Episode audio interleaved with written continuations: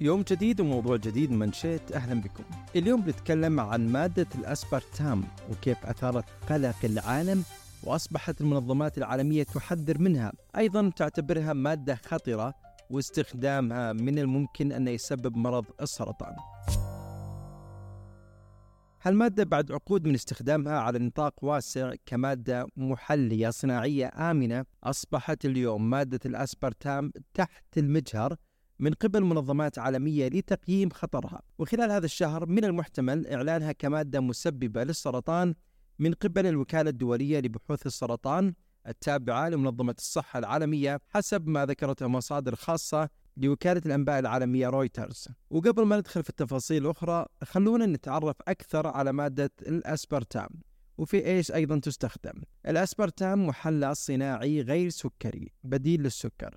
تستخدم هذه المادة في المشروبات والأغذية منخفضة السعرات الحرارية مثل Diet Coke و Diet Pepsi. هذه المادة تستخدم كبديل للسكر بالنسبة لمرضى السكري ومرضى السمنة المفرطة ويتم التسويق لها بمسميات مختلفة منها Equal و Canderel وتقريبا موجودة في أكثر من 6000 منتج غذائي. بعد انتشار خبر احتمالية أن تكون مادة الأسبرتام مسرطنة أصبح العالم ينتظر التقرير اللي بتقدمه الوكالة الدولية لبحوث السرطان للتأكد ما إذا كانت المادة تشكل خطورة ومسببة للسرطان أم لا. الدكتور وليد القاضي المختص في طب الأسرة ذكر عبر قناة الإخبارية أن مادة الأسبرتام مو فقط مسرطنة بل يمتد ضررها على الكلى والنشاط الذهني للأطفال.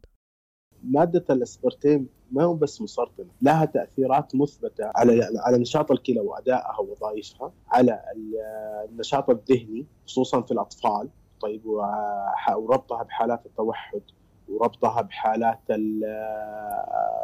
التوتر المرضي. علاوة عن إنهم بدأوا حاليا يربطوها بسرطان الغدد الليمفاوية خصوصا مادة الاسبرتام نشروا عليها في عام 2021 بحث موسع وكان عبارة عن تجربة أجروها على الخلايا الأنسجة الليمفاوية للفيران في منشيت سألنا الدكتورة وسام باكير أخصائية التغذية عن وجود المحلى الصناعي في مشروبات ال diet وعن حقيقة تحولها لمواد مسرطنة. ردي على السؤال هل مشروبات ال diet مسرطنة؟ آه مشروبات ال diet تحتوي عادة على المحليات الصناعية فإذا عادة احتوت آه على مادة الأسبرتام المحلية اللي هي مادة صناعية سكر صناعي آه فعادة هي اللي تكون آه سيئة وضارة آه لخلايا الدماغ وتسبب أورام في الجسم آه لكن عموما آه في مثلا محليات سمحت فيها هيئة الغذاء والدواء واعتبرتها آمنة لكن الإكثار منها يتسبب مثلا بمشاكل مثلا زي السمنة زي الأورام لمثلا تواجد مثلا مواد. إذا زادت عن الحد المسموح فيه مثلا باليوم فإنها تتسبب بمشاكل صحية. مثل ما قالت الدكتور وسام هيئة الغذاء والدواء تعتبر المشروبات الغازية ومشروبات الطاقة والمشروبات الأخرى المحلاة بالسكر آمنة أي أنها لا تحتوي على مصادر الخطر الميكروبي أو الكيميائي أو الفيزيائي لكنها تعد غير صحية والضرر اللي قد يحدث من هذه المنتجات مرتبط بزيادة الاستهلاك.